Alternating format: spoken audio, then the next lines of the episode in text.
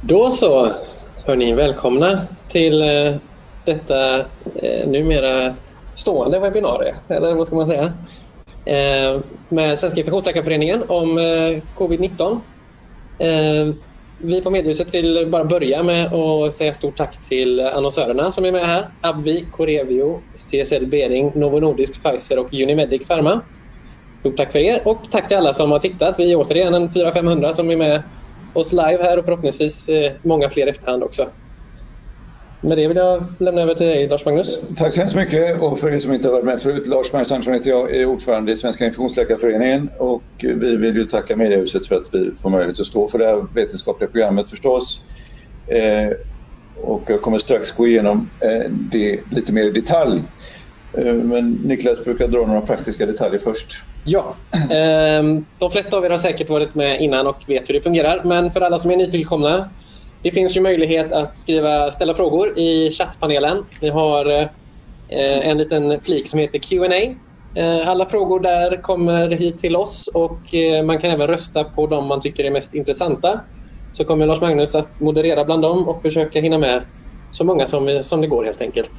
Um, har ni några problem på vägen kan ni också chatta med mig direkt via chattpanelen. Uh, och tycker ni att chattpanelen är i vägen så kan man klicka ner den också så, så behöver ni inte titta på det det är väl egentligen inte mer än så. Tack så mycket. Eh, programmet idag är först en kort vetenskaplig uppdatering eh, och sen har vi bjudit in från eh, virologen, eh, först Jan-Åke Liljeqvist som kommer gå igenom serologiska metoder och deras prestanda och hur man ska tolka dem. Eh, och där finns ju ett väldigt stort intresse för att höra om detta förstås.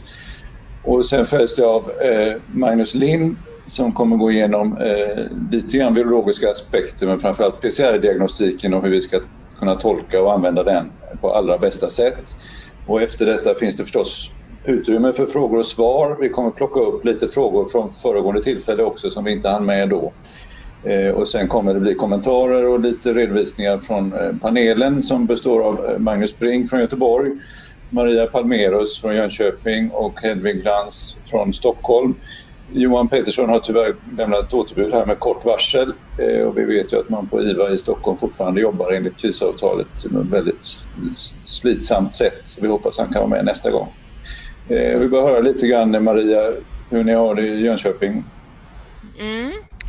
Eh, jo, men jag tycker nog att man skulle kunna säga att läget är rätt stabilt eh, sedan två veckor tillbaka ungefär. Det tickar på ungefär eh, Eh, på samma sätt. Eh, det som vi kanske kan prata mer om sedan från oss det är det att vi ser att vi har rätt så mycket positiv personal i den provtagning vi gör.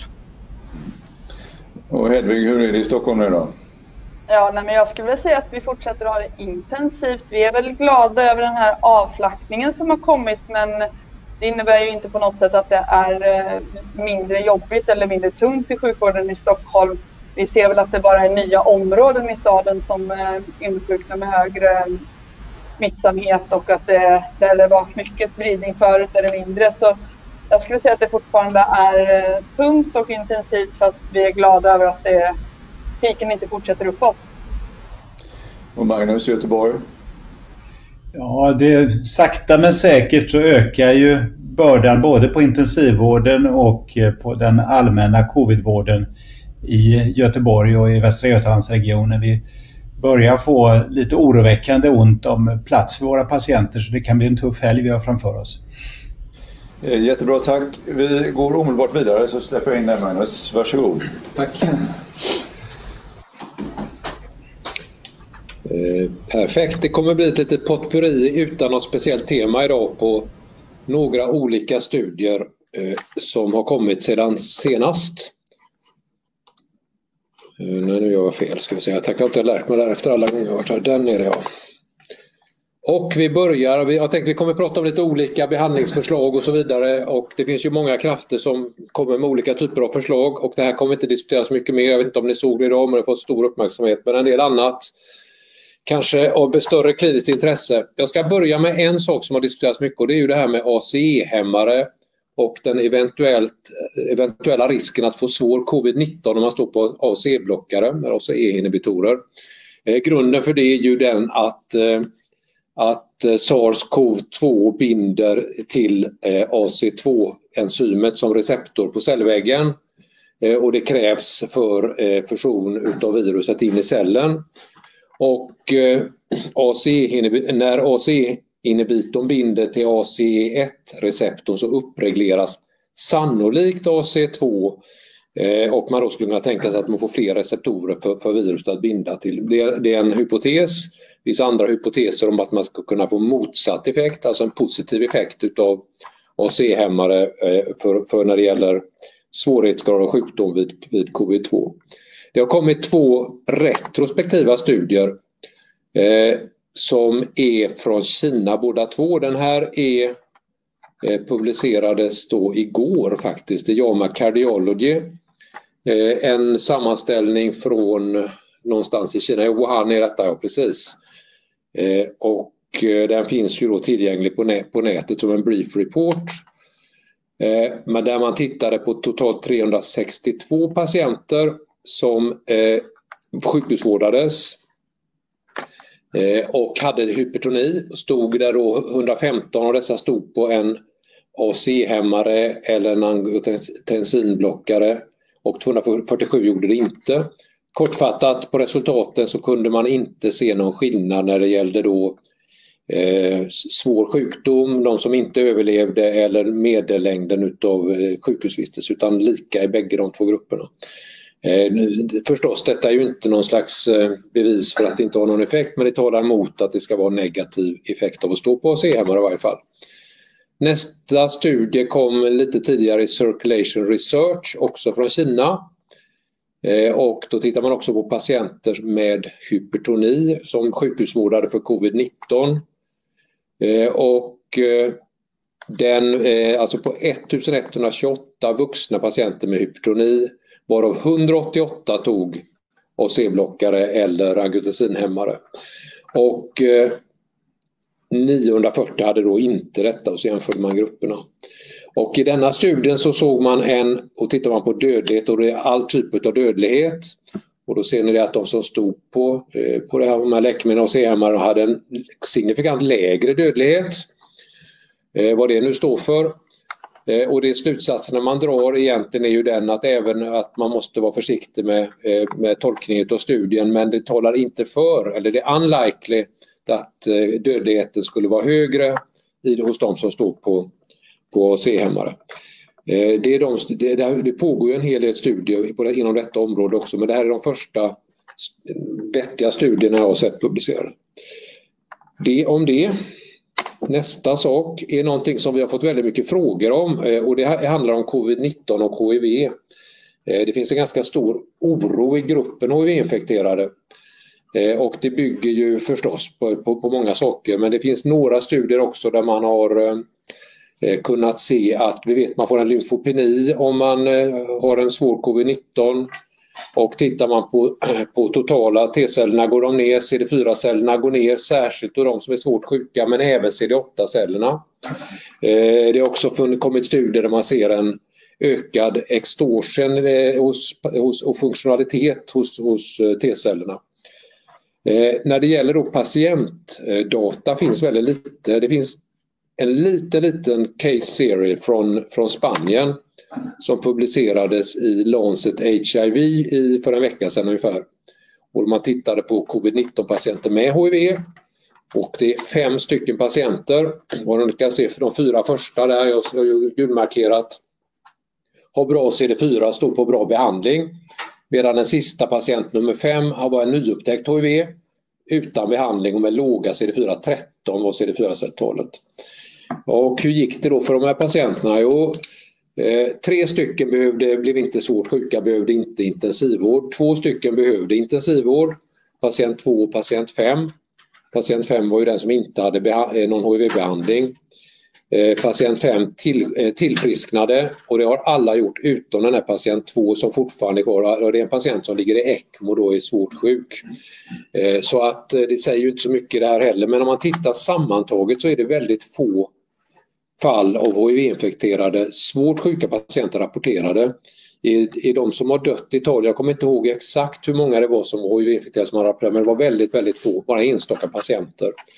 Eh, I Kina är ju däremot eh, rapporteringen sämre men allt talar för att HIV och särskilt en välbehandlad HIV inte är någon särskild riskfaktor för att få en svår covid-19.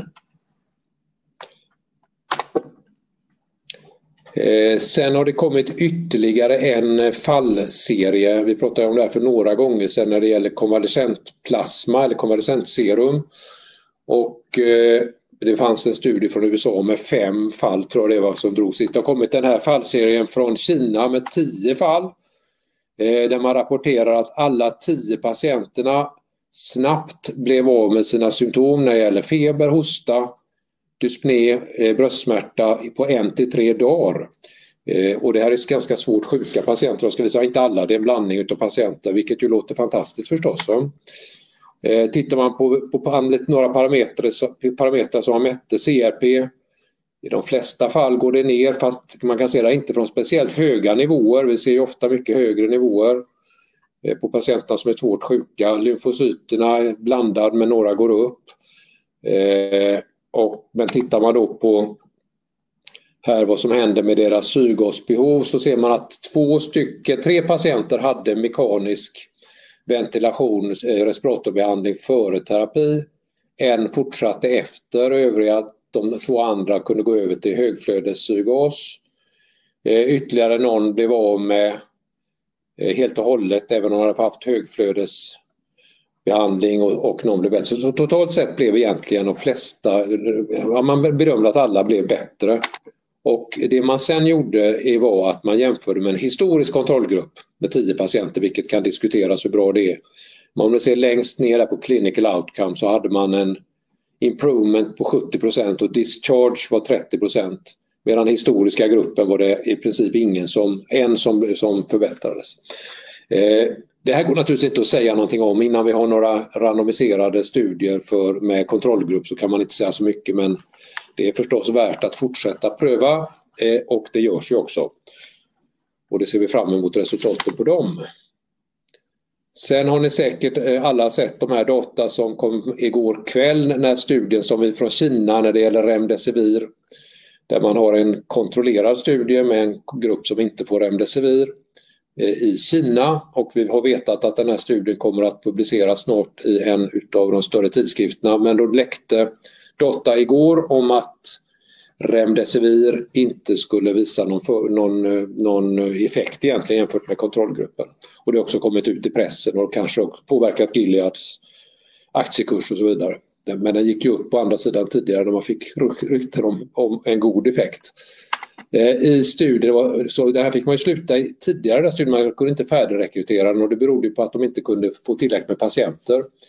Eh, Covid-19 finns ju knappt i Kina längre sägs det. Och här fick man med 158 patienter som fick Remdesivir, 79 patienter i kontrollgruppen enligt det som då har kommit ut abstraktet men som sannolikt trots allt stämmer, vi får se när den kommer. Efter en månad så var dödligheten lika i bägge armarna Eh, och eh, Andrew Hill som många av oss känner från Liverpool eh, tolkar det så här att om det finns, om man inte hittar någon fördel med Remdesivir, en så pass här stor studie ändå, eh, så, så eh, är det otroligt att man ska se någon stor effekt utav Remdesivir när man ger det till de här patienterna som då har en avancerad sjukdom, vilket är viktigt. Det kan naturligtvis vara så att det har en effekt tidigare i, i förloppet. Sen har, återigen, vi har inte sett data slutgiltigt eh, och vi får vänta till vi ser dem. Dessutom är det här en studie som inte är jättestor. Det pågår ju en stor studie sponsrad av NIH eh, men också med en kontrollgrupp, så vi får se. Eh, vidare till läkemedel och hydroxyklorokin har vi pratat om många gånger. Nu har det kommit en amerikansk studie eh, som publicerades i ja, den 21 april. Men, eller publiceras, den är då, den är då en sån här preprint, alltså den är ju inte referigranskad. Men eh, den har, jag tycker det kan vara av intresse att visa denna studie. Man har då totalt sett lite drygt 200-300 patienter blir det där ungefär va? Ja, över 300 patienter, 350 någonting. Eh, och tittar man på då de som fick, här har vi hydro... Ups. Bilderna försvann. Annars så klarar där har vi det gärna. Ja. Eh, 90 hade, fick hydroxyklorokin, 100 fick hydroxyklorokin plus acitromycin och sen 177 fick ingen klorokin. Och där har vi ingen skillnad i hur stor andel som behöver mekanisk ventilation utav de som fick de här olika före. Eh, de, förstås då de har behövt eh, intensivvård. Eh, eller före de, ja, eh, pre-ventilation treatment. Och tittar man på outcome så kan man se en statistiskt signifikant högre dödlighet i de som har fått klorokin eh, eller klorokin plus acitromycin jämfört med de som inte har fått det. Nu är ju det här en studie som är retrospektiv eh, och eh, det är klart att det kan finnas andra här hade vi inte några mer där. Andra orsaker till att man har valt den ena eller andra gruppen där men det är klart att det talar ju inte för till hydroxyklorokins fördel, de här resultaten. måste man säga. Det var sista bilden där. Eh, jättebra. Två frågor bara från yes. chatten innan vi går vidare. Eh, det kom en alldeles nyss här. Eh, hur är det med den här idén att ge rekombinant och C2 receptor så att säga, som skulle binda upp virus? Kan man säga ja. något om det? Eh, det enda jag kan säga är att jag har sett, jag har sett hypotesen och sett idéerna vilket ju förstås är en intressant tanke. Sen om det fungerar inte, det återstår att se och jag vet inte, jag, det, det, är okänt för mig om det pågår några studier när det gäller detta. Jag, jag vet inte. Det finns ju extremt mycket studier registrerade på, på clinicaltrials.gov till exempel. Jag har inte koll på riktigt Timmar att gå igenom dem. Eh, det var 700 häromdagen när jag tittade. Eh, det finns en annan fråga här från förra veckan och det är SARS-CoV-2 neurologisk påverkan. Vet man något mer där nu? Eller? Ja, det vet man en del. Det det många, och det vet, det vet, alla som jobbar med det, här. ganska många patienter har ju symptom från CNS, med, framförallt med konfusion och förvirring. Det finns enstaka fall med encefalit, det finns enstaka meningiter rapporterade, men det är inte något vanligt. Men däremot den här konfusionen är ganska vanlig. Sen vad den beror på, är det hypoxi, är det mikroembolism eller vad sjutton det är, det vet vi inte. Vi är ju jätteintresserade av det här i Göteborg. Det är ju fokus eller till studier, det är ju CNS. Så vi har ju en hel del intressanta data som vi är för preliminära för att redovisa. Men att hjärnan är involverad vid en svår sjukdom och så är det vid många infektioner, så är det alla gånger. Men vad det är som orsakar det, det är svårt att säga. För tidigt att säga. För tidigt att säga. Jättemycket, tack, tack så hemskt mycket. Eh, vi bjuder in Jan-Åke Liljeqvist direkt som har tagit sig tid att komma hit och presentera lite om antikroppstester och också eh, lite om, om prestanda. Varsågod. Ja, vi kämpar på i Göteborg för att få fram en serologisk test här som kan påvisa antikroppar. Eh, det är inte lätt kan jag säga, det är svårt men jag kommer tillbaka till det. Om man börjar här då med strukturen eh, av de fyra höljeprotein som vi har i höljet så är det ju spikeproteinet då Eh, Eh, som eh, står för receptorbindning och till eh, AC2-receptorn och sen den andra delen för fusion. Då. Det är kraftigt immunogent och det inducerar också neutraliserande antikroppar. Sen har man två andra proteiner som inte är så intressanta immunologiskt. Och så är det N-proteinet, alltså nukleokapsiden, som också är kraftigt eh, immunogent. Och eh, diagnostiken och vaccinutvecklingen Eh, fokuserar ju då på S och N. Så här ser spikeproteinet eh, ut. Det är den här trimeren, ni ser en utav de här som är blå och röd då och mitt i S1 då så ligger receptorbindande domänen här. Sen klyvs det och eh, S2 behövs då för fusion. Och om ni tittar på aminosyridentitet så är det här proteinet väldigt likt SARS-1 då, det gamla SARS. Alltså det är 90% homologi på N-proteinet. Och eh, S1 exempelvis, där receptorbindande 66% och eh, eh receptorbindande domänen 73 om det vore så att vi hade SARS-1 cirkulerande så skulle det i stort sett vara omöjligt att göra serologisk test som kunde skilja de här åt. Eh, däremot ser man ju då att homologin är betydligt lägre då för eh, de endemiska coronavirus som vi har. Eh, det är 34% för N och 25 eh, för S1. Och det har vi nu visat att det verkar inte vara något större problem med korsaktivitet. Ja, funktion av antikroppar, det är ju protektion då som man oftast pratar om och det är neutralisation av viruspartiklar, eh, antikroppar som kan blockera receptorn på cellen. Eh, och sen har vi ju de här andra funktionerna som säkert är väl så viktiga som är F, FC-beroende. Eh, antikroppsberoende cellulär cytotoxicitet och eh, komplementmedierad cytotoxicitet och eh, även fagocytos. Då. Det är viktigt att komma ihåg att det vi mäter det är egentligen bara antikroppars bindning till virusantigen. Och förutom neutralisation som man kan göra ibland så mäter vi ju inte funktion. Eh, sen måste man ju nämna det här med enhancing antibodies. Det är väl beskrivet och eh, lite förstår vi. Eh, flavivirus är det kanske mest beskrivet för. Dengue, Zika, West Nile. Men även för RSV, influensa. Och det här är ju då eh, FC, eh, eh, gamma receptorupptag i immunceller som är mekanismen. Och här är det en studie från denguefeber som är gjort på, under 12 år på 8000 barn i Nicaragua som publicerades här i Science för några år sedan. Och där ser man då att ratiot, det är ju alltså vid andra infektioner som man har problem. Då man kan få hemorragisk feber och chock. Ja. Och då är antikroppsnivån från första infektionen eh, helt avgörande eh, för risken för att få svår andra infektion. Och här ser ni då om man har mycket antikroppar, eh, hög titer, så är, det, eh, då är man eh, skyddad. Men sen då om man har en relativt låg antikroppsnivå, det är den röda eh, stapeln där, då har man en sju, eh, åtta gångers högre risk att få svår denguefeber. Och detta verkar vara generellt att när man har en liten mängd av antikroppar så inträffar den här, eh, det här fenomenet med en housing. Eh, det är väl beskrivet för SARS-1 med mabbar då, alltså monoklonala antikroppar inom S1. Det har till och med mappats, epitopmappats. Eh, och kattkorona är det väl beskrivet för. Där är var tredje monoklonal har en housing-förmåga i peritonealmakrofager. Det här är ju ett stort problem förstås om man eh, ska göra vaccin.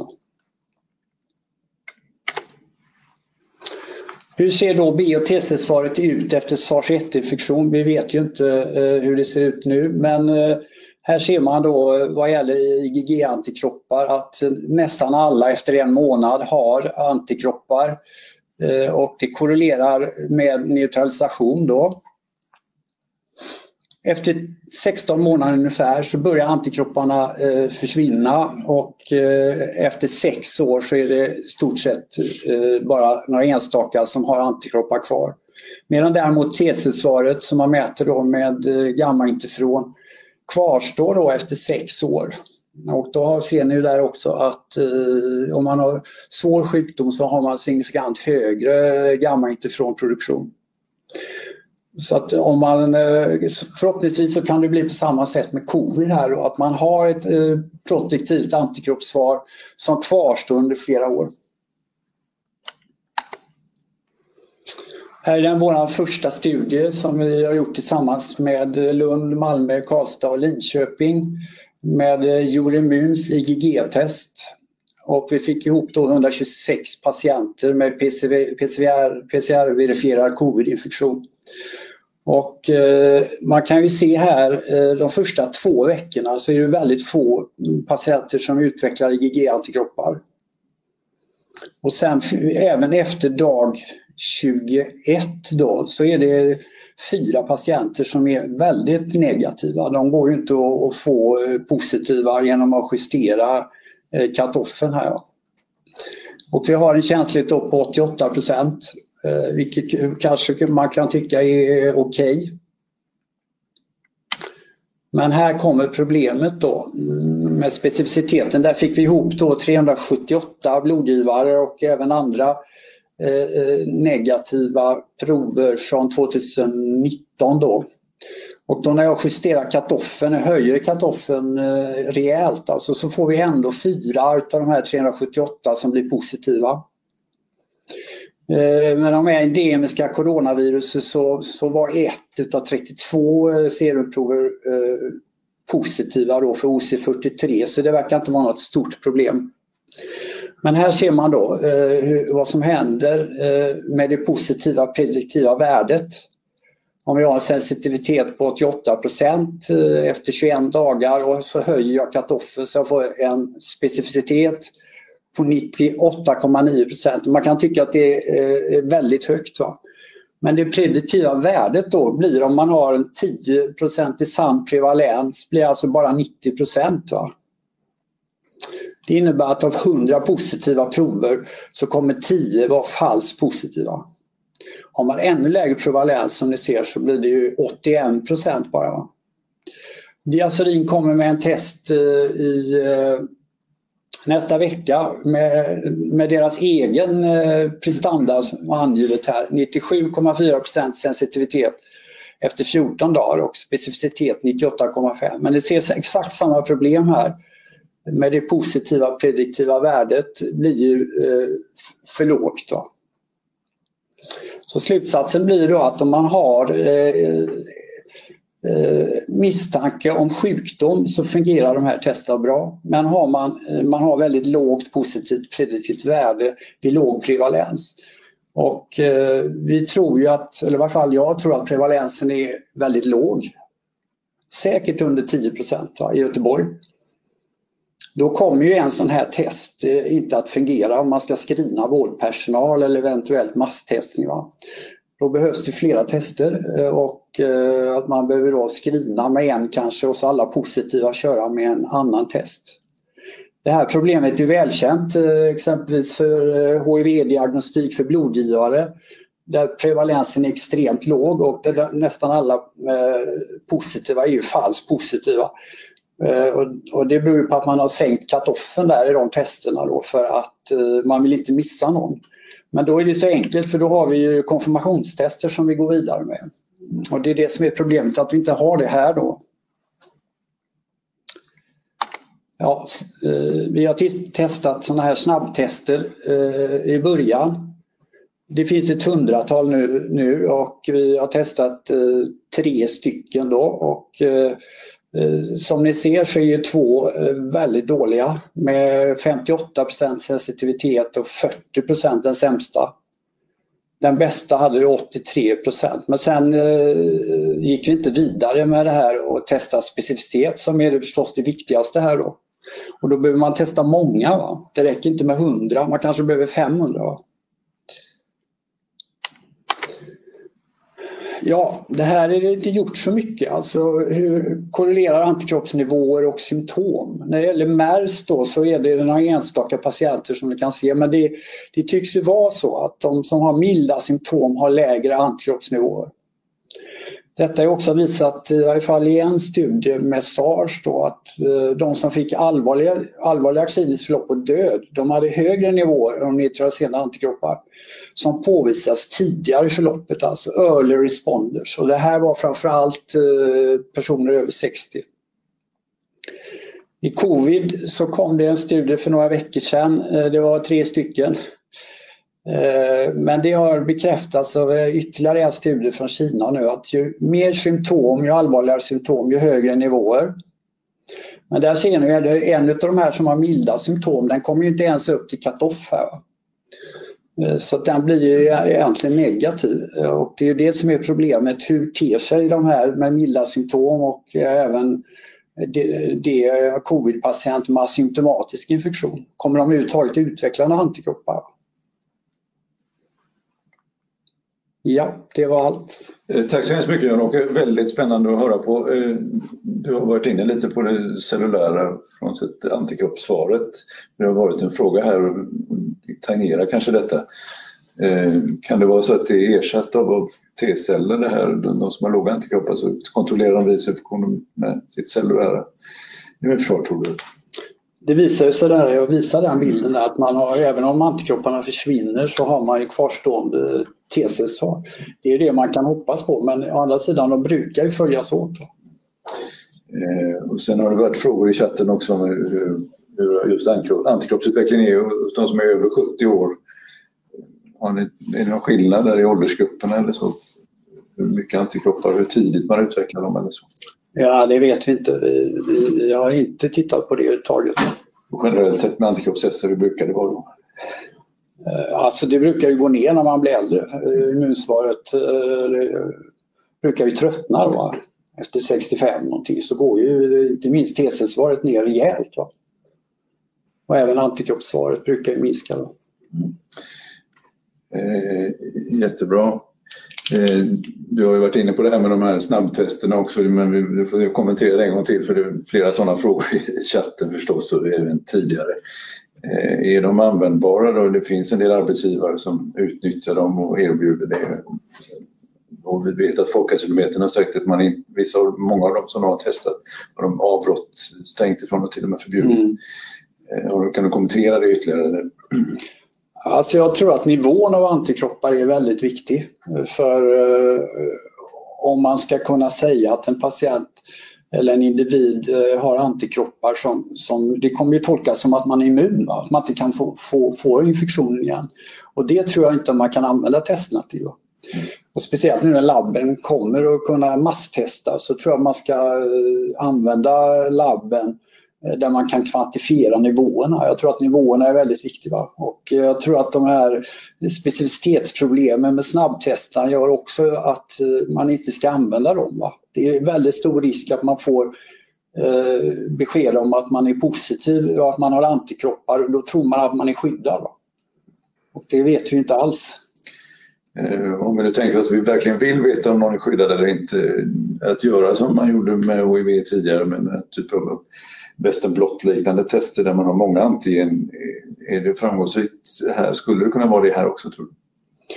Ja, det vi håller på att jobba med nu det är neutralisationstest då, som, där man kan mäta helt enkelt nivåerna i de här eh, bindningstesterna som det handlar om och, och korrelera då till neutralisation. Det är ju ändå den bästa markör vi har för, för skydd. Mm. Men det har vi precis kommit igång med, vi har inga resultat av det. Eh, jättebra, tack så hemskt mycket Jan-Åke, du tog dig tid. Eh, vi har också med oss Magnus Lind eh, som ska ge oss en uppdatering kring virologin och framförallt PCR-baserad diagnostik och hur vi ska tolka den. Välkommen Magnus, varsågod. Ja, hör ni mig? Ja då. Ja, för jag fick en varning att det inte hördes, jag blir nervös här. Ja, Okej, okay. tack. Varsågod. Då så, då kör jag. Eh, jo, alla vet kanske inte det här, att det finns, eh, eller fanns förut, sex coronavirus hos människa. Fyra som är klassade som humana eftersom de cirkulerar i humana populationen. Och det är två gamla från 60-talet, 229E och OC43. Och två nya från 00-talet, eh, NL63 och HKU1. Sen finns det då MERS och SARS som är zoonoser eftersom de inte cirkulerar hos människan. Och SARS gav ett utbrott 2002 till 2003 med 8000 smittade och över 700 döda.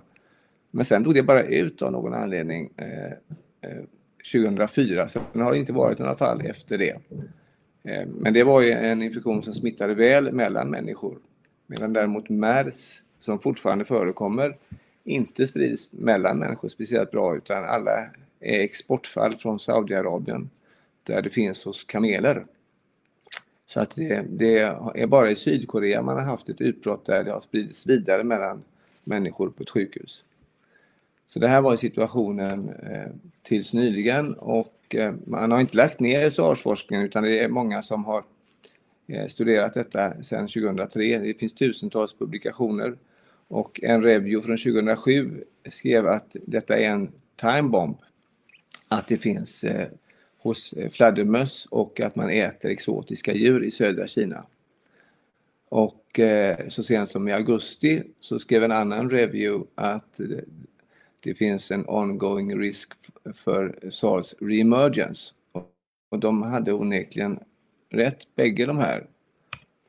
För det kom ju tillbaka nu i julas. Och det nya SARS placerar sig på det här, eh, i det här fylogenetiska trädet eh, mellan eh, några fladdermössgrenar. Det gamla sars finns upp till och nya sars eh, är här då mellan två fladdermössgrenar eh, Och om man eh, tittar på hela genomet så ser man att det finns en stor likhet med vissa fladdermössekvenser. Men mindre likhet med gamla SARS och speciellt i spike-proteinet som Jan-Åke nämnde så finns det ganska stor olikhet där tydligen det här viruset har ändrat sig för att anpassa sig och eh, troligen binda in och smitta effektivare kan man tänka sig. Så där har vi spike-proteinet.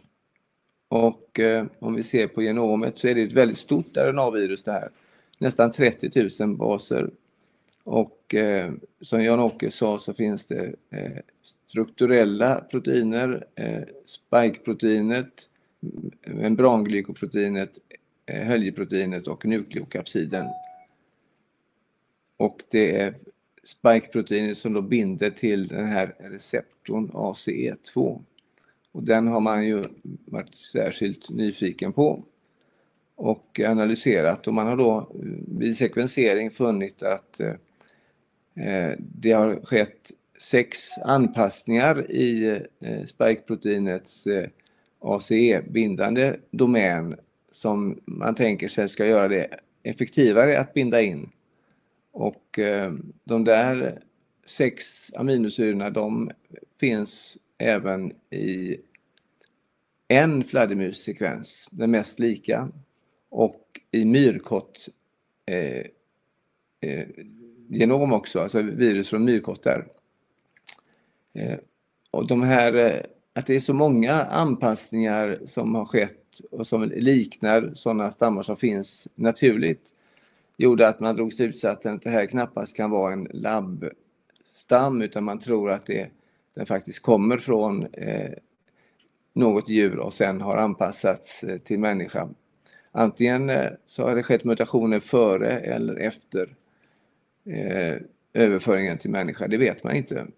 Den andra anpassningen som har skett som är helt unik då för eh, SARS-2 eh, det är fyra extra aminosyror i den här eh, eh O-glykanregionen eh, som ni ser i, till höger i S2-subenheten. Och den skapar ett Polybasic Cleavage Site. Det är alltså en anpassning som ska, eh, om jag förstår rätt, förbättra fusionen och eh, göra att eh, viruset mer effektivt eh, sprids. När det gäller eh, sekvenserna annars så har det visat sig att det är extremt lite genetisk variation. Så att göra PCR för eh, SARS-2 var väldigt enkelt. Alla sekvenser är identiska, identiska så det finns ingenting att anpassa sig till som det brukar vara för virus-PCR annars. Så i princip kan man lägga sig var som helst med sina primrar vi valde att lägga oss på ett ställe i polymeraset där WHO hade lagt sina system. Så gjorde vi lite anpassningar eh, och det här ska då visa hur det ser ut, en PCR-design med två primrar och en prob.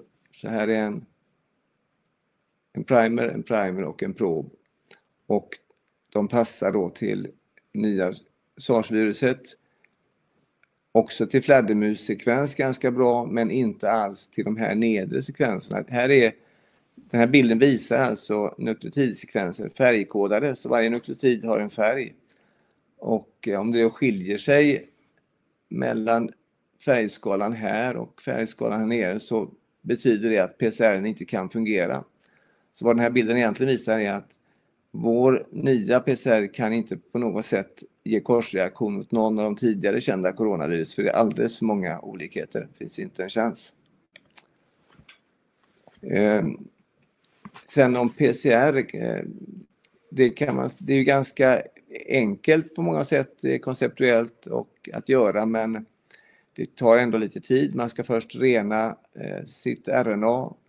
Det tar en timme Sen ska man göra själva realtids-PCR som tar eh, två och en halv, tre timmar och sen ska man ha efterarbete och granska data. Så det tar liksom fem timmar. Och det gör att det inte är så lätt att skala upp det, man får ha många instrument då och mycket personal. Så det var ju svårt i början att gå från noll till många hundra på kort tid. Eh, men det är ändå en väldigt eh, bra teknik för man snabbt kan få till en metod som är väldigt eh, känslig och säker.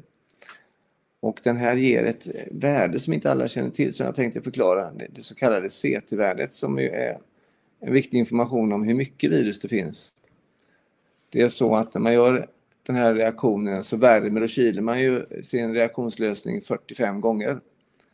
Och då binder primerarna in och kopierar och så binder proben in och eh, proben bryts ner om det sker en positiv reaktion och skapar en fluorescens. Den här mäter man genom att fotografera av plattan varje cykel.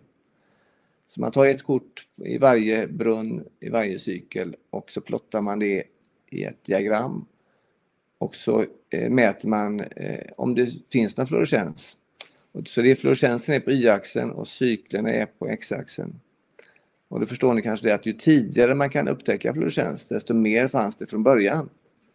Så eh, om man då kan hitta fluorescens redan i cykel 15 då är det extremt mycket virus. När man bestämt eh, eh ska vi se 5 miljoner eller 5 miljarder viruspartiklar i svabben. Eller 4 miljarder, så det är väldigt mycket. Eh, här är det ungefär 10 miljoner och här är det bara 1000. Så det är en enorm spännvidd i hur mycket virus man har och jag är alldeles säker på att det är de här som smittar nästan alla, som orsakar all, all smittspridning. De här smittar kanske, här smittar man nog inte alls. Så det här är väldigt viktig information som eh, åtminstone läkarna i Göteborg har glädje av för de har lärt sig att tolka det här.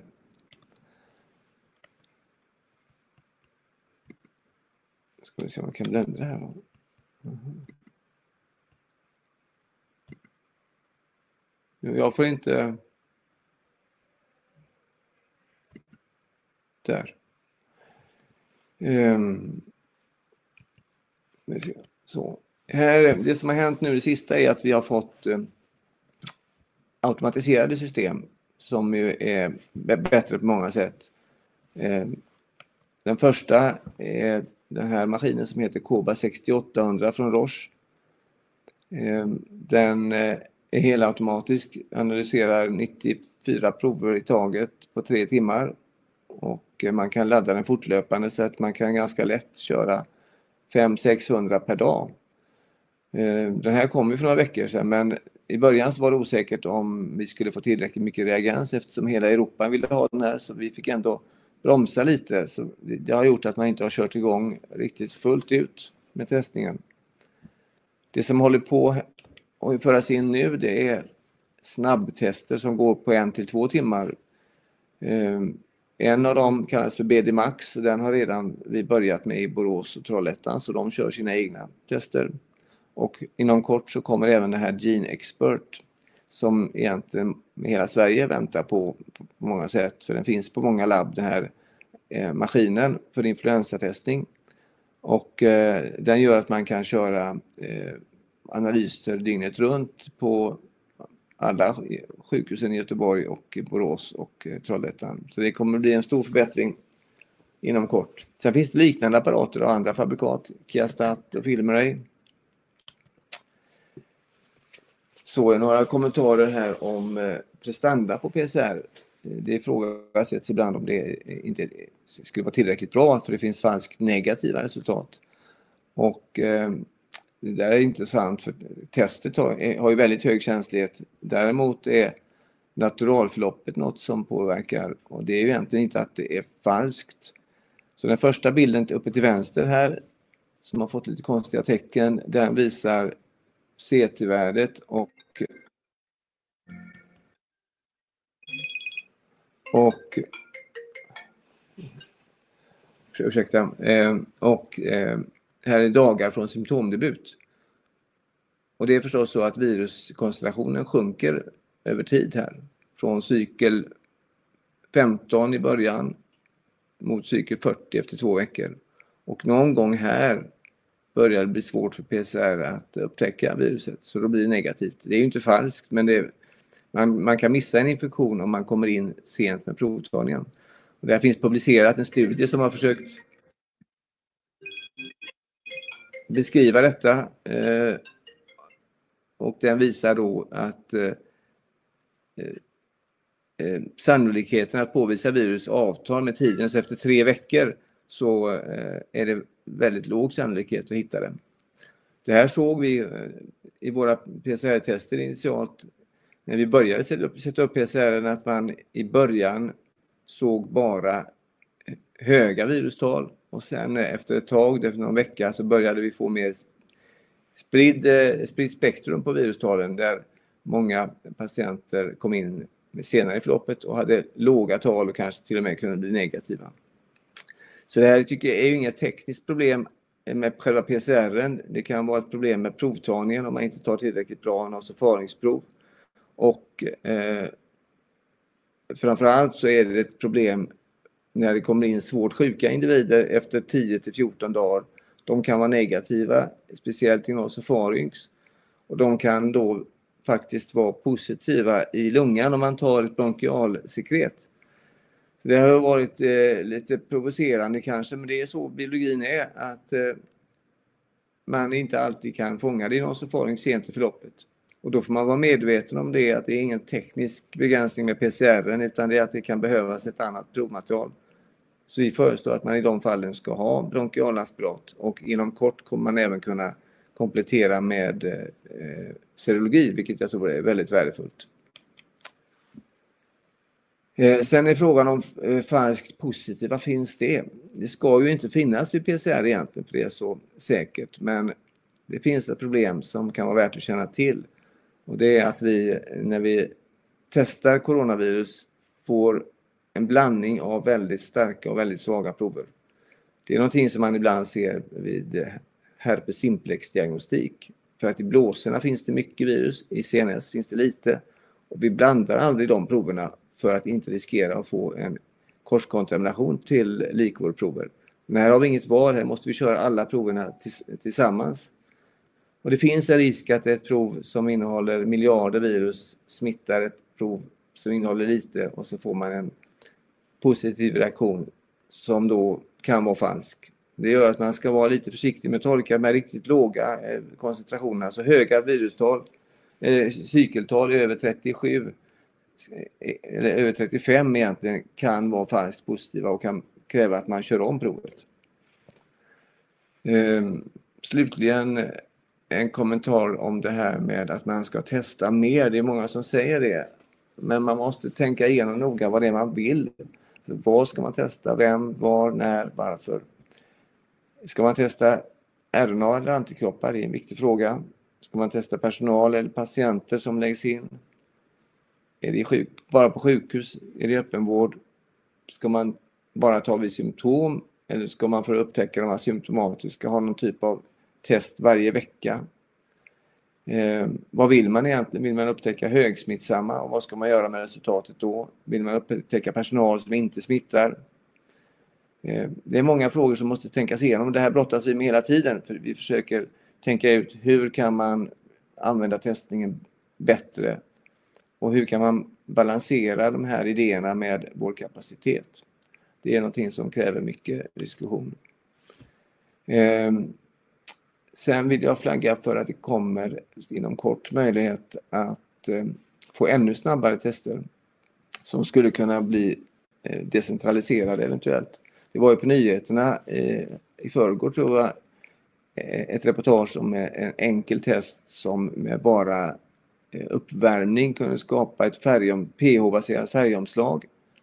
Den är publicerad, den metoden alldeles nyligen och en liknande snabbmetod eh, lanseras inom kort av Abbott. Abbott har ju köpt ett företag som eh, hette heter Alere eh, och som en del av er har använt för influensadiagnostik. Och de har satt upp coronavirustest på det här instrumentet. Det går på 10 minuter. Och vi testade ju det här instrumentet för två, tre år sedan för influensa och fann att det var egentligen eh, bra. Det hade en, en sensitivitetsgräns på ungefär cykel 33. Och det skulle jag vilja säga, det duger väl för coronavirusdiagnostik. Det upptäcker alla som är eh, smittsamma i princip.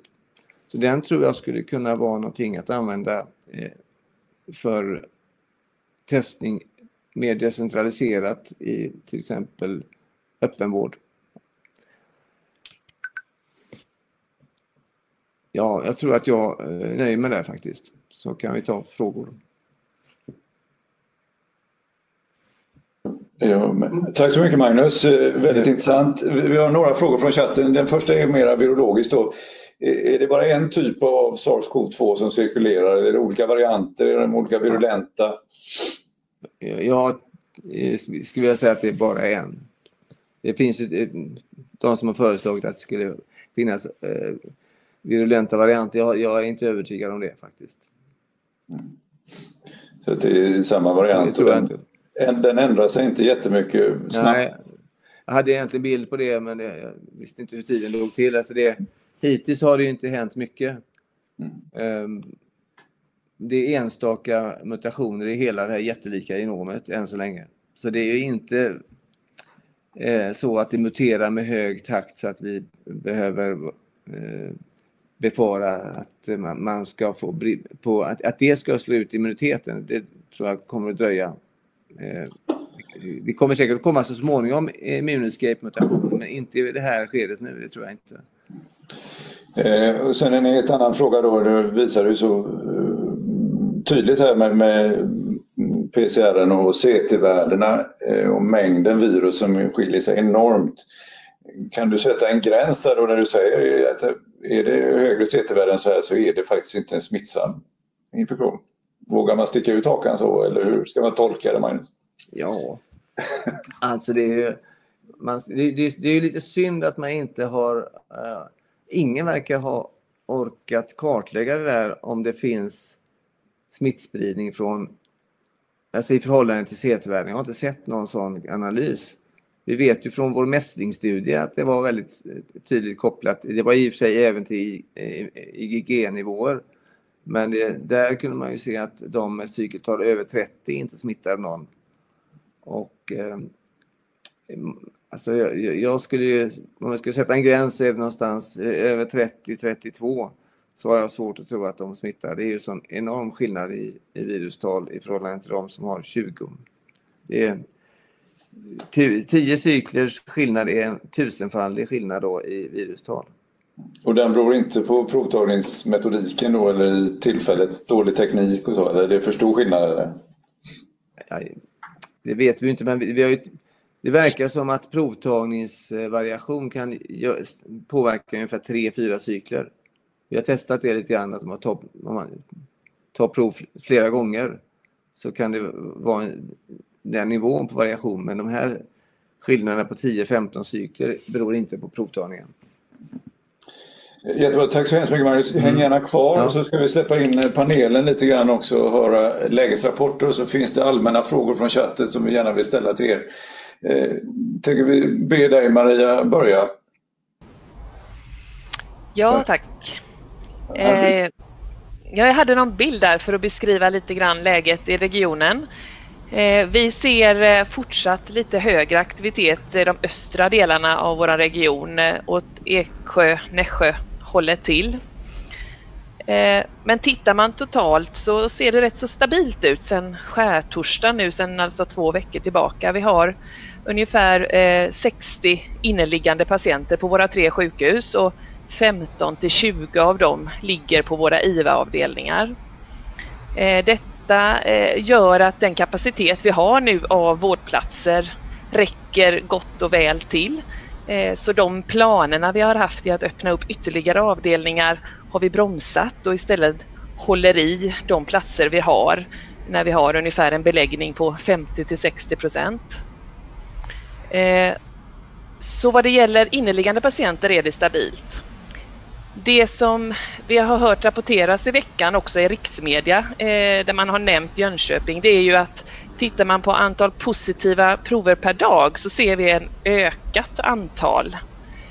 Eh, och då är det intressant att dela upp lite grann de här proverna och titta på patienter som då är de orangea staplarna och personal som är de blåa och då kan man se att vad det gäller patienterna så ligger det väldigt stabilt. Eh, det är en konstant nivå positiva. Men däremot på de blåa som då är personalgruppen så ser vi att det är där ökningen är. Och vi har ju successivt, eh, som Magnus var inne på här, eh, värderat vilken kapacitet vi har att provta personal men ändå sett ett värde i att försöka göra det i ökande utsträckning. Eh, och eh, där har vi nu kunnat växla upp och provta mer personal, både inom slutenvården men också nu eh, äldreboenden och hemtjänst. Och i de senare två grupperna där så ser vi en del positiv personal. Det är ju oroande eh, i och för sig. Eh, men vi har tyckt att det varit viktigt att veta och, och detta.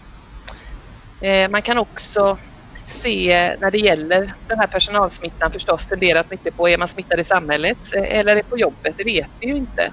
När det gäller på jobbet så har vi nog ändå identifierat att just den här smittan patient eh, till personal så har det i ett par eh, tillfällen då kunnat visa sig vara när man har lagt in en patient som inte haft så mycket symptom, man har alltså inte misstänkt covid och därför inte isolerat. Så kring en sådan patient att det har skett smittspridning till personal. Likaså den problematiken som Magnus också var inne på att man har tagit ett prov, isolerat patienten men provet har blivit negativt. Då har vi gått på det. Eh, kanske var det provtagningstekniken som inte var optimal eller så var man i ett annat skede av sjukdomen. Så vid ny provtagning sen blev det positivt och då har vi också kunnat få en spridning där. Men annars har vi ägnat sista veckan mest åt att fundera kring vad händer i våra personalgrupper? För det är nog ändå där vi också har sett en spridning. Vad gör vi mellan patientrummen? Pratat mycket handhygien och hålla avstånd. Eh, sista bilden visar egentligen bara att det är helt två olika grupper, de här positiva. Eh, personalgruppen, eh, det är de yngre som ligger på en stadig nivå Medan de orangea positiva proverna det är våra patienter och det är de äldre åldersgrupperna som vi ser huvudsakligen. Eh, tack så du ha Maria. Är det någon i panelen som vill kommentera? Jag kan ställa en fråga. För hur stor del var det från sjukhem och kommunal vård och så av personalproverna? Mm. Mm. Eh, jag har inte det i huvudet riktigt men det, den sista egentligen veckan har vi kommit igång bättre med att provta inom eh, den kommunala sjukvården eller eh, vården och eh, eh, vi ser en hel del positiva där. Eh. Det är ingen av Hedvig eller Magnus som vill kommentera? Jättespännande data tycker jag att se ändå just det här med att ni har möjlighet att prova relativt liberalt på vårdpersonal. Vi har ju haft några enstaka hos oss eh, där vi tror att en patient har spridit smittan till personalen men det har ju varit patienter med extrem, extremt låga CT-värden. De har ju varit runt 13 och 15 och sådär. Det är bara i de tillfällen vi faktiskt har kunnat tycka att den, en patient har överfört det till personal. Inte i något annat fall som vi har hittat. Eh, så det stödjer ju idén om att mycket virus... Vi har inte den möjligheten med Eh, så det är en intressant observation. CT-värden får inte vi, så jag kan inte Nej, en intressant observation tycker vi i alla fall. Eh, ja, hade du något mer där från Jönköping som du vill rapportera just nu eller ska vi be Hedvig eh, haka på? Jag tycker ja, vi lyssnar in Stockholm. Jag har inte lika fina bilder, det har jag inte gjort denna gången heller. Eh, nej, men jag skulle säga att ibland känner jag mig som eh, våra myndigheter, att Stockholm kör hålla i, hålla ut. Eh, den här eh, avflackningen är ju fantastiskt rolig att se men det ändrar ju inte så mycket i vår vardag. Det är ju fortfarande jättestora volymer patienter som ligger inne. Det är mycket som ligger på IVA. Det är många patienter som pendlar mellan vårdavdelning, intermediäravdelning och allt för att de inte ska hamna på IVA. Det finns inget egenintresse i det. Eh, så det är intensivt och vi har alla sjukhus eh, hög belastning och eh, vi fortsätter att ha mer än dubblerat alla våra jourlinjer på KS för att hålla 24 timmars jourerna igång. Sen så ser vi väl det som har nämnts tidigare. Förra gången pratade vi om patienter som är trakeotomerade och de fortsätter ju komma ut och det är ju i kombination med att de är neurologiskt svaga. Sen om det beror på virussjukdomen, att de har haft eh, mycket sedering och eh, muskelrelaxantia när man ligger på IVA och höga doser för de man legat i bukläge och flyttats runt. Det där är ju jättesvårt att veta men de är ju de blir ju kvar ganska länge och därav eh, eh, ockuperar vårdplatser längre. Så där ser vi ju en utmaning som ökar. Ehm, det får vi väl säga, men där man både inom sjukhusen men även på regional nivå försöker hitta lösningar för det. Ehm, eftersom akutflödena fortsätter också. Det är svårt att takta både ett akutflöde in och en, en tung eftervård. Så skulle jag säga, vi har ju nu börjat provta både serologiskt ehm, när det gäller personal i Stockholm. Eh, även en gigantisk forskningsstudie som pågår på Karolinska där man ska provta alla. Alla frivilligt, men man får vara med. Ehm, men eh, vi har väl sett en del ehm, Lärdomen lite just nu är väl att vi har varit väldigt duktiga på att se till att hålla god eh, skyddsutrustning inom slutenvården men där vi framförallt på en av våra tuberkulosmottagningar då har haft en rejäl spridning bland personalen just för att en tuberkulospatient som hostar kommer och kan ju ha även en covid-infektion. Så det ehm, är ju, vi har ju försökt att hålla uppe mycket av vår annan infektionssjukvård hos oss också, att i alla fall ha en liten strimma av det och då blev det olyckligt så här. Mm. Mm. Tack så hemskt mycket. Eh, Magnus, hade du något? Ja, jag tänkte som vanligt visa några bilder och, och kåsera kring dem. Eh, jag börjar med en bild här för en studie som är intressant som publicerades i JAMA igår. Eh, den är intressant för att det är en, en stor studie med många patienter. Det är 5700 individer som har sjukhusvårdats i New York City med omgivningar. Eh, och man har tittat då på på, på olika epidemiologiska aspekter eh, av det här stora materialet. Och då kan ni se där att jag har strukit under det att 12,2 procent vårdades på IVA med, i respirator. Och fortsätter man på nästa rad där så hickar man till lite grann. Att dödligheten hos de här patienterna som respiratorvårdades var 88,1 procent. Oj då, tänker man. Eh, det där är ju väldigt höga siffror förstås. Det är så höga siffror som man kan ifrågasätta om det överhuvudtaget är meningsfullt att bedriva intensivvård med, med, med den eh, nivån på resultaten. Eh, men då måste man ju läsa vidare i texten och, och, det är ju så att på individbasis så är det en ganska elementär färdighet att känna igen en död människa. Eh, det lär vi oss tidigt som doktorer men inom epidemiologi så är ju det här med död väldigt svårt och komplicerat. Eh, och tittar man lite närmare i texten så ser man att det här materialet omfattar patienter som vårdats inneliggande under mars månad. Från 1 mars till och med 4 april blev de inlagda. Och I och med att den här texten kom i tryck den 22 april så måste man ha börjat analysera data väldigt direkt där efter 4 april. Så det är en väldigt omogen kohort. Va? Eh, och det visar sig då att mortaliteten har man beräknat på de patienter som skrivits ut eller avlidit. Och eh, utav de respiratorvårdade patienterna var det då 320 patienter som var utskrivna eller avlidna. Men det finns ju då faktiskt när man lusläser texten 831 patienter som respiratorvårdas eller har respiratorvårdats men fortfarande kvar på sjukhuset. Eh, och räknar man istället då på den totala antalet respiratorvårdade patienter så kommer man fram till en mortalitetssiffra på 24,5 procent. Det är naturligtvis en underskattning för ett antal av de patienterna som ligger i respirator nu kommer att avlida. Eh, så att den sanna siffran kommer ligga någonstans mellan 24,5 procent och 88 procent. Det är fortfarande väldigt höga siffror men, men inte så höga som det blir när man läser abstract.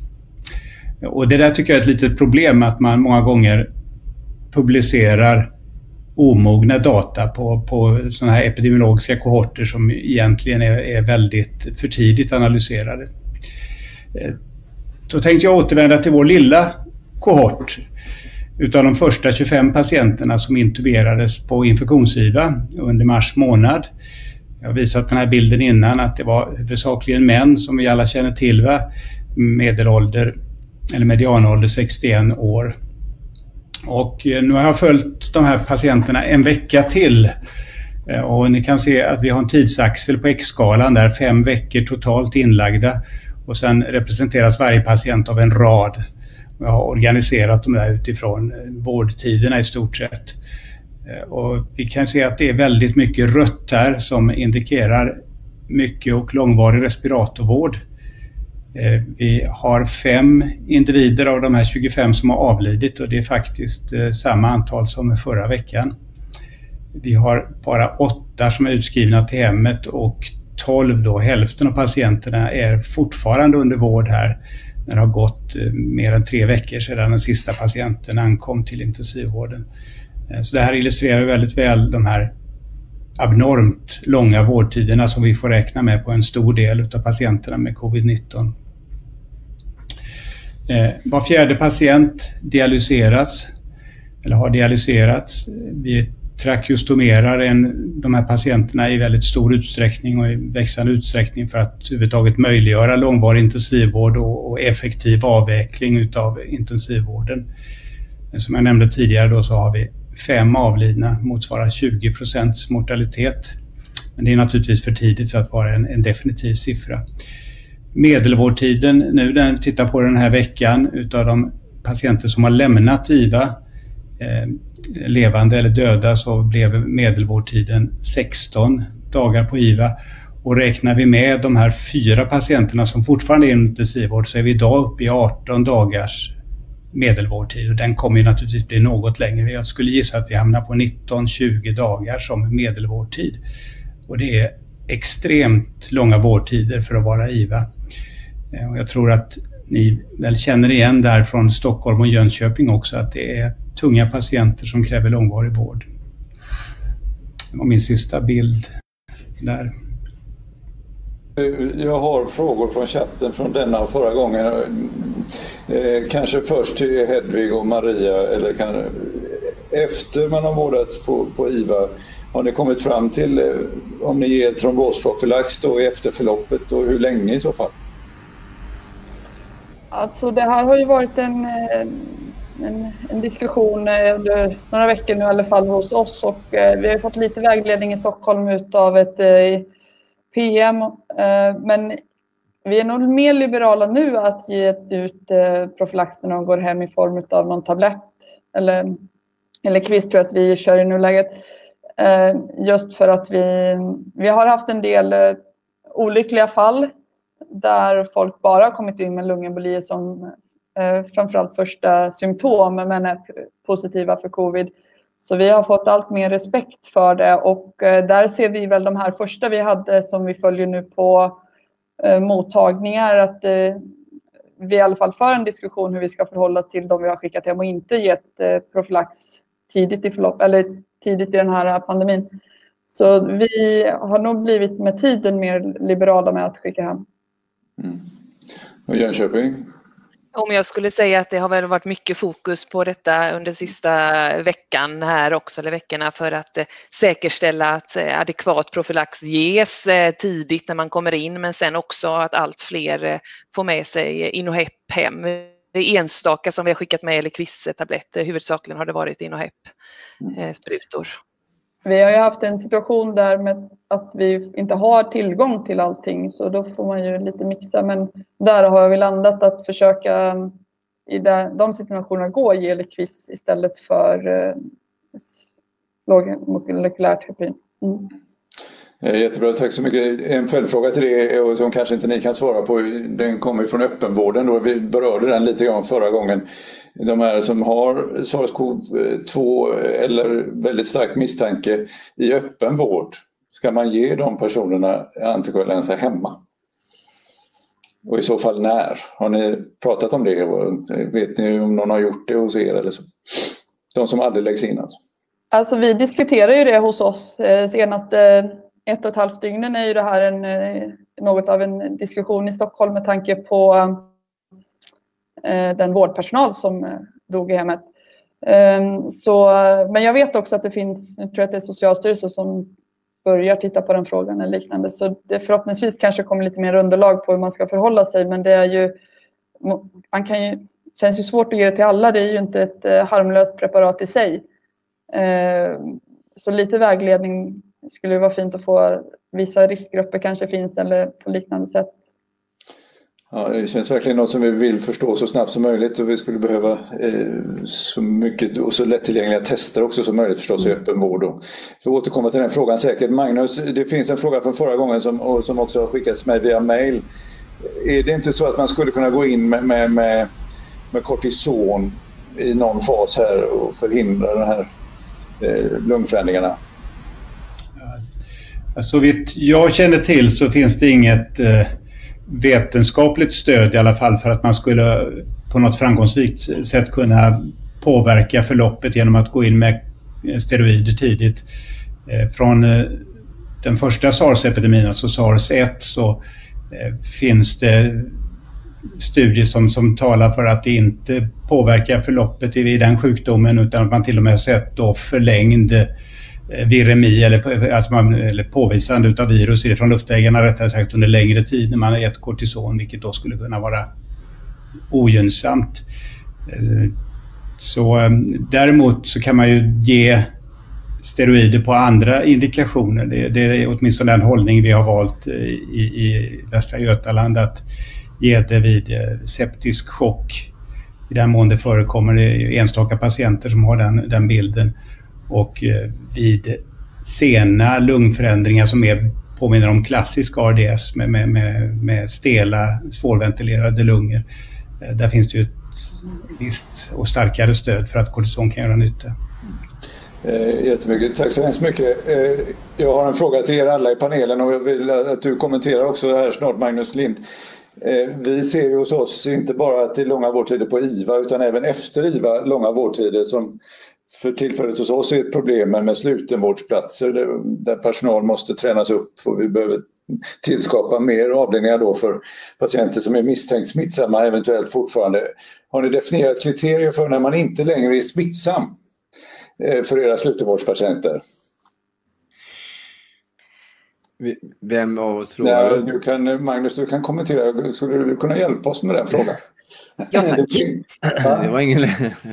Får jag bestämma bara sådär eller? Nej, alltså det ska, ska, ska, krävs det evidens också? Ja, men eh, från början så var ju den tanken att vi skulle ha två negativa PCR, helst från djupa luftvägar med 24 timmars mellanrum. Det var utskrivningskriterier från början det tog ju första patienten i Jönköping tog lång tid antar jag. Maria? Det stämmer, det tog lång tid. Det är inte hållbart att tänka så idag. Nej. Så det är förutsättningarna, Magnus. Ja, alltså det, det finns de som tycker att det skönaste är att inte veta utan man bara säger att det ska gå en viss tid efter symptomen har försvunnit. De har gjort det lätt för sig för då slipper man se. Man vill helst inte ha några, några PCR-resultat för då blir verkligheten besvärlig.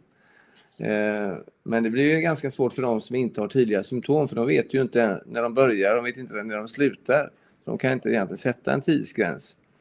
Så att, så att eh, ja, egentligen borde man snarare försöka hitta en, eh, en PCR-gräns som man åtminstone använder för vissa av fallen. Eh, som har, för det är en del personal som har haft lätta symptom och sen får de enormt eh, hög, högt virustal i, i provet. Och sen har de inte mycket symptom. Och det är väl, man skulle vilja veta mer att de verkligen går ner innan de går i arbete, tycker jag. Mm. Eh, som du, du, var inne på cykel 30, vi tycker ganska lika där. Att, eh, det skulle kunna vara en, en, gräns att tillämpa i de fallen. Mm. Har ni kriterier Maria Jönköping? Nej, vi, vi eh, söker med ljus och lykta efter bra kriterier för det finns ju också ett eh, behov av att ha det när vi ska skicka patienterna från sjukhuset och tillbaka till äldreboenden och, och hur ska vi då rekommendera avseende smittsamhet. Eh, det är inte några tydliga eh, kriterier riktigt som vi liksom kan eh, köra rakt över. Mm. Och Hedvig, har ni några i Stockholm eller? Ja, vi har väl ungefär snarlika vaga som resten av landet har med de här två, timmar, två dygnen efter symptomfrihet. Jag vet att eh, vi har börjat någon form av dialog med smittskyddet med lite vägledning från vad andra har skissat på hur man skulle kunna förhålla sig just som du säger Maria, de som har legat inne och kanske ska gå hem eller till boenden eller den här rehabsgruppen som nu ändå kommer. Där hur, som Magnus Brink visade efter x antal veckor på IVA, hur smittsam är man då? Hur ska man förhålla sig till det? Ehm, så vi börjar skissa på det men vi vill ju gärna göra det i samråd med smittskyddet i Göteborg för att, eller Stockholm menar för att det ska bli bra. Ja, nej, vi, har, vi blev lite akut för oss här på Östra i veckan så att vi inledde en dialog med Smittskyddet Västra Götaland och, och vårdhygien. Eh, och då, du kan plocka fram lite Niklas, jag gjorde några bilder där. Det finns ju ändå var för att skapa en fast punkt och utgå, som diskussionen sen kan utgå ifrån så utgick vi från ECDCs rekommendationer som eh, hur man än tycker och hur mycket evidens de har bakom det så, så har de ändå uttryckt sig väldigt tydligt med, med tidsgränser och, och, och, liknande som hos immunfriska säkert är väldigt tillämpbara eh, tycker jag. Eh, och en, mycket av vetenskapen baseras ju på det arbetet i Nature där som ni kanske har läst av, av Wölfel. Eh, du kan byta bild. Så då enades vi om att ha just sådana här tidskriterier som Magnus inte tyckte om. Eh, men har vi en patient som har vårdats inneliggande med allvarlig infektion så vill vi att det ska, vi ska se klinisk förbättring. Vi ska ha två dygn då med, med någon slags feberfrihet och vi vill se inflammationsparametrarna sjunka ordentligt. Och sen satte vi en väldig säkerhetsgräns där som ni ser för att vi skulle få med oss smittskyddet Eh, på 14 dygn sedan symptomdebut. Och att man har ett sannolikt normalt immunförsvar. En sån person tror vi inte är smittsam, eller bedömer vi inte som smittsam och kan då vårdas eh, enligt normala principer. Eh, för IVA-patienterna är det ju svårare och det kan finnas lägen där vi faktiskt vill tidigare eh, kunna säga att den här personen inte är smittsam och då tillämpar vi det gamla kriteriet om med två prover från djupa luftvägar eh, med 24 timmars mellanrum plus ett kliniskt kriterium med, med klinisk förbättring. Så det här är förslaget vi har nu och kan vi sen också komplettera då den här sista definitionen med någon slags CT-gräns Magnus så, så, skulle väldigt mycket vara vunnet. Det här är ju lättare för det här är ju symptom eh, som de, som är definierade. Att man vet när det börjar. Det, är ju, jag tänker mer på personal, att det är väldigt svårt när de har lindriga symptom. Man vet inte när det är startgräns egentligen. Där. Eh, och där finns det ju eh, förslag från ECDC att de tror de sätter det på åtta dagar och det finns eh, ställen i Sverige som sätter det på minst att man ska vara minst vara hemma i sju dagar oavsett vilket. Va? Och det tror jag är klokt. Ja men så har vi också på mild sjuka men och där finns det väl lite stöd om man tänker på den här tyska studien. Men, men, men det är ju alltid svårt att applicera eh, data från de som är milt sjuka till just de svårare sjuka. Förhoppningsvis kanske det är något snarlikt. Personal gör vi på samma sätt, att vi har minst en vecka och, man ska, och två dygns symptomfrihet annars. Mm. Eh, men vi, vi, tyckte att det var bästa möjliga utgångspunkt nu och det vi kan stödja på är ju det som liknande kriterier finns runt om i världen och framförallt i Europa nu då. Eh, så är det, det sannolikheten att man är smittsam så sent i förloppet är ju låg om man är immunfrisk. Det svåra är väl att plocka ut. Det kan ju vara o, o, dåligt reglerad diabetes eller njursvikt med, med väldigt lågt GFR kan ju leda till ett långsammare immunsvar förstås. Och de allra äldsta vet ju inte heller hur snabbt de svarar immunologiskt. Ja, eh, några fler kommentarer innan vi avslutar detta idag? Då tackar jag så hemskt mycket föreläsare och eh, panelen. Stort tack eh, Niklas. Ja, tack Lars-Magnus eh, och tack panelen och föreläsarna. Eh, Magnus Jan-Åke, jättestort tack och Magnus Gisslén. Eh, det var sista gången för nu. Eh, det var årsmöte vi skulle Nej, nämna nästa också. gång va? blir om två veckor tror vi. Eh, så att vi kommer ut med, med en ny agenda. Ja. Eh, och eh, återigen, stort tack till Abvi, Corevio, CSL Bering, Novo Nordisk, Pfizer och Unimedic för att eh, ni var med och gjorde det här möjligt. Och tack för alla som tittat och ställt frågor. Jätteroligt. Så ses vi snart igen. Ha det så bra så länge. Hej!